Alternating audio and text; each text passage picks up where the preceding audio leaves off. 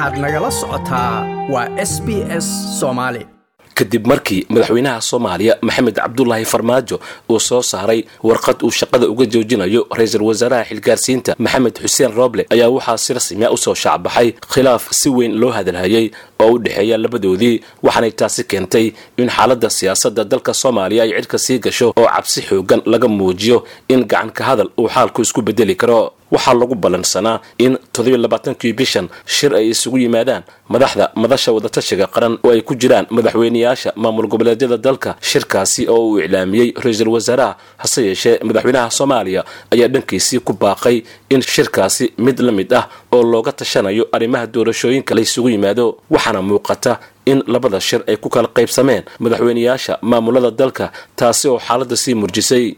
Ra'iisul wasaaraha xilgaarsiinta maxamed xuseen rooble oo shir jiraayad ku qabtay xafiiskiisii ayaa sheegay in ciidamo ka amar qaata madaxweynaha ay is-hortaag ku sameeyeen inuu galo xafiiskiisii ku yaalla villa soomaaliya arrintaasi oo uu ku tilmaamay afgembi uu madaxweynuhu ku doonayo in wakhtiga ku sii dheeraysto sida uu yidhi. Waxaan rabaa in shacabka soomaaliyeed la wadaago in tallaabooyinkii uu qaaday madaxweynihii hore maxamed cabdulaahi farmaajo ay yihiin isku day bareer ah oo lagu afgembinayo dowladnimada dastuurka iyo sharciyada dalka u taalla. Farmaajo ka sokow inuu shuruucda dalka ku xadgudbay wuxuu saaka weerar ciidan ku soo qaaday. Xafiisyada ra'iisul wasaaraha iyo xarunta golaha wasiirada isagoo isku dayey in uu ka horjoogsado gudashada waajibaadkoodii qaran. Ujeeddada uu ka leeyahay tallaabooyinkan guracan ee sharciga baalmarsan waa in uu ku carqaladeeyo doorashada dalka ka socota si uu xafiiska ugu sii joogo si sharci darro ah si la mid ah isku daygii fashilmay ee bishii abriil ee dalka lagu dumin rabay. Dhanka kale xafiiska madaxweynaha soomaaliya ayaa ka jawaabay hadalkaasi ra'iisul wasaare rooble ee ahaa in madaxweynuhu sameeyey iskuday afgembi waxaana arrintaasi beeniyey afhayeenka ahna agaasimaha warfaafinta iyo xafiiska madaxweynaha cabdirashiid maxamed xaashi oo waraysi siiyey laanta af soomaaliga ee idaacadda v o a. Walaal aad ba umahadsantiin marka hore eedayntaas waxba kama jiraan. Ereyga haddii uu tafsiirkeeda saxdaa garanayona ma isticmaaleen. Waxaan intaa idiigu darayaa madaxtooyada jamhuuriyadda federaalka ee soomaaliya waxaa amnigeeda u xil saaran guutada toddobiyo toddobaatanaad oo taliyo leh nidaamkiisii iyo kala sarrayntii ciidan leh. Ma jiro ciidan gaara oo ra'iisul wasaaruhu leeyahay iyo ciidan gaara oo madaxweynuhu leeyahay. Waxaa jira ciidan madaxtooyo waa ciidankaasi waa ciidanka ugu hanaansan ugu anshaxa badan ciidamadeenna wixii maanta dhacay waxay ahaayeen waxay wasiirada qaar baa waxay isku dayeen iyagoo ciidamo wata inay madaxtooyada gudaheeda u soo galaan guutaduna arrintaa waa diiday. Ilaalooyinka wasiiradu ay wataan sida caadada ahayd mar walba waxay kaga iman jireen baraha control ee ku gadaaman madaxtooyada. Wasiirkuna isagoo caadi ah iyuu shaqadiisa soo geli jiray. Ciidan dee shaqadiisa ka hor istaagay ma jirto. Shaqadii waa laga hakiyey marka koowaad marka labaadna haddii rabay inuu xafiiska madaxtooyada soo galo dee waa loo ogol yahay oo waa kii yimi oo sida caadigaaba u yimi. Marka isagoo ka dhex hadlaya dee madaxtooyada gudaheedii waa la ii diiday inuu haddana yidhaahdo waalif waxbuu leeyahay iyo waxba ma leh.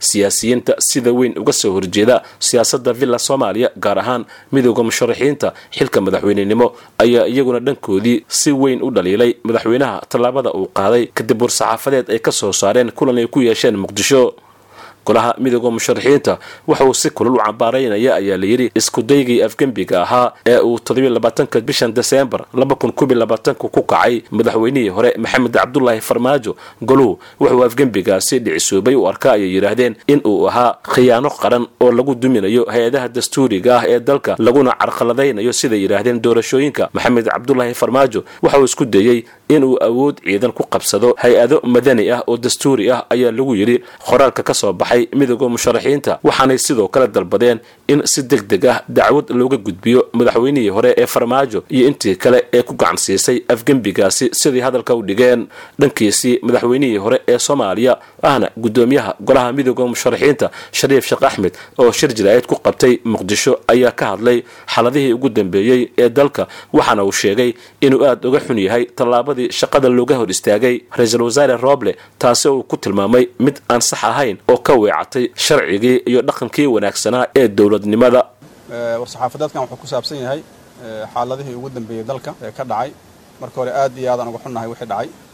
Dalkan wuxuu soo maray dhibaatooyin fara badan oo ku aadan arrimaha siyaasadda.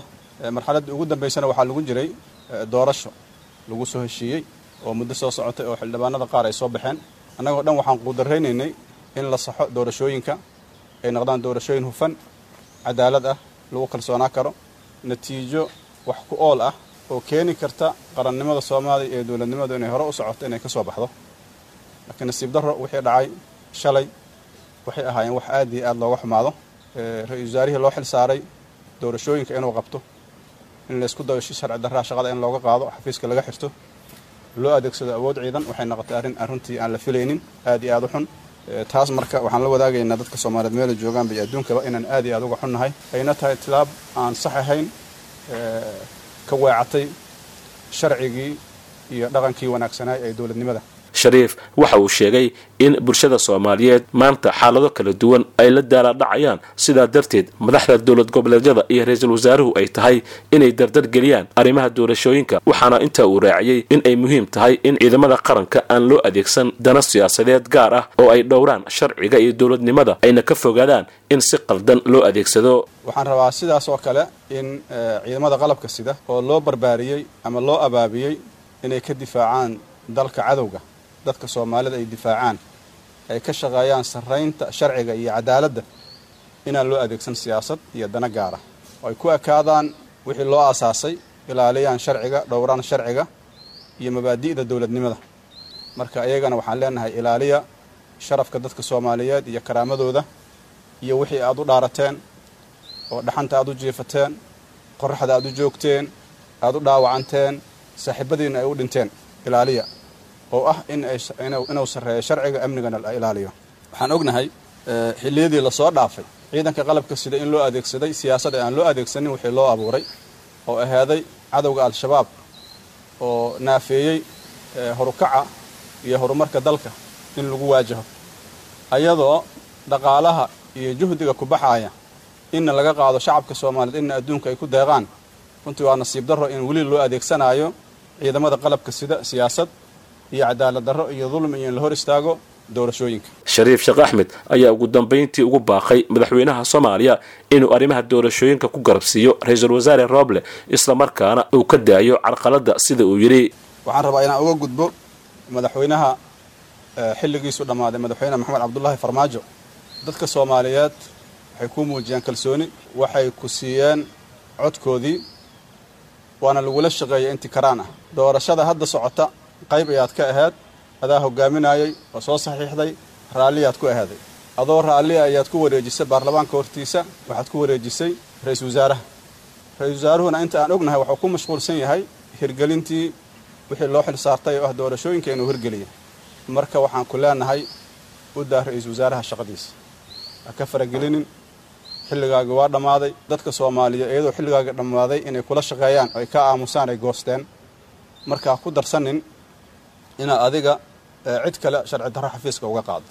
Maanta waxaa kuu bannaan waxaa waaye ra'isul wasaaraha inaad ku garab siiso doorashooyinku inay dhacaan.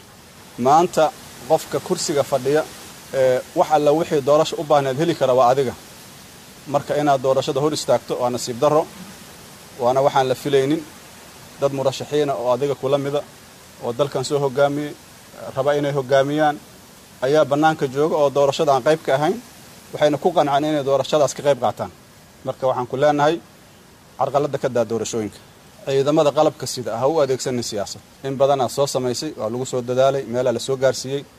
Wiilasha dhallinyarada ee hamiga u leh inay dalkooda u adeegaan ha marin habaabinin sidaasoo kale ummadda soomaaliyeed maanta hami waxay u leedahay inay ka gudubto marxaladda adag oo aysan ku laabanin marxalad mataqaanaa dhiig ou daato ayadana sabab ha u noqonin war-saxaafadeed ka soo baxay beesha caalamka ayaa madaxda soomaaliya loogu baaqay inay danta dalka ka horumariyaan wax walba ayna dejiyaan xiisada siyaasadeed ee kacsan iyo inay ka joogsadaan daandaansiga ama adeegsiga xoogga oo wiiqi kara. Nabadda iyo xasiloonida dalka ayaa la yidhi mar sii horeysay bayaan ka soo baxay. Wasaaradda arrimaha dibadda ee maraykanka ayaa lagu sheegay in iskudayga shaqa joojinta ra'iisul wasaare roble ay tahay mid welwelkeeda leh. Maraykanku waxa uu diyaar u yahay inuu tallaabo ka qaado kuwa caqabada ku ah waddada nabadda ee soomaaliya. Iskudayga shaqa joojinta ra'iisul wasaare maxamed xuseen roble waa mid laga naxo waanu taageersannahay dadaaladiisii doorasho deg deg ah oo lagu kalsoonaan karo. Dhammaanba dhinacyadu waa inay ka baaqsadaan ficilada iyo hadallada kicinta ah ayaa lagu yidhi hadalka ka soo baxay waaxda arrimaha dibadda ee dalka maraykanka like aas la wadaag wax ka dheh lana soco barta facebooka ee sb s soomaali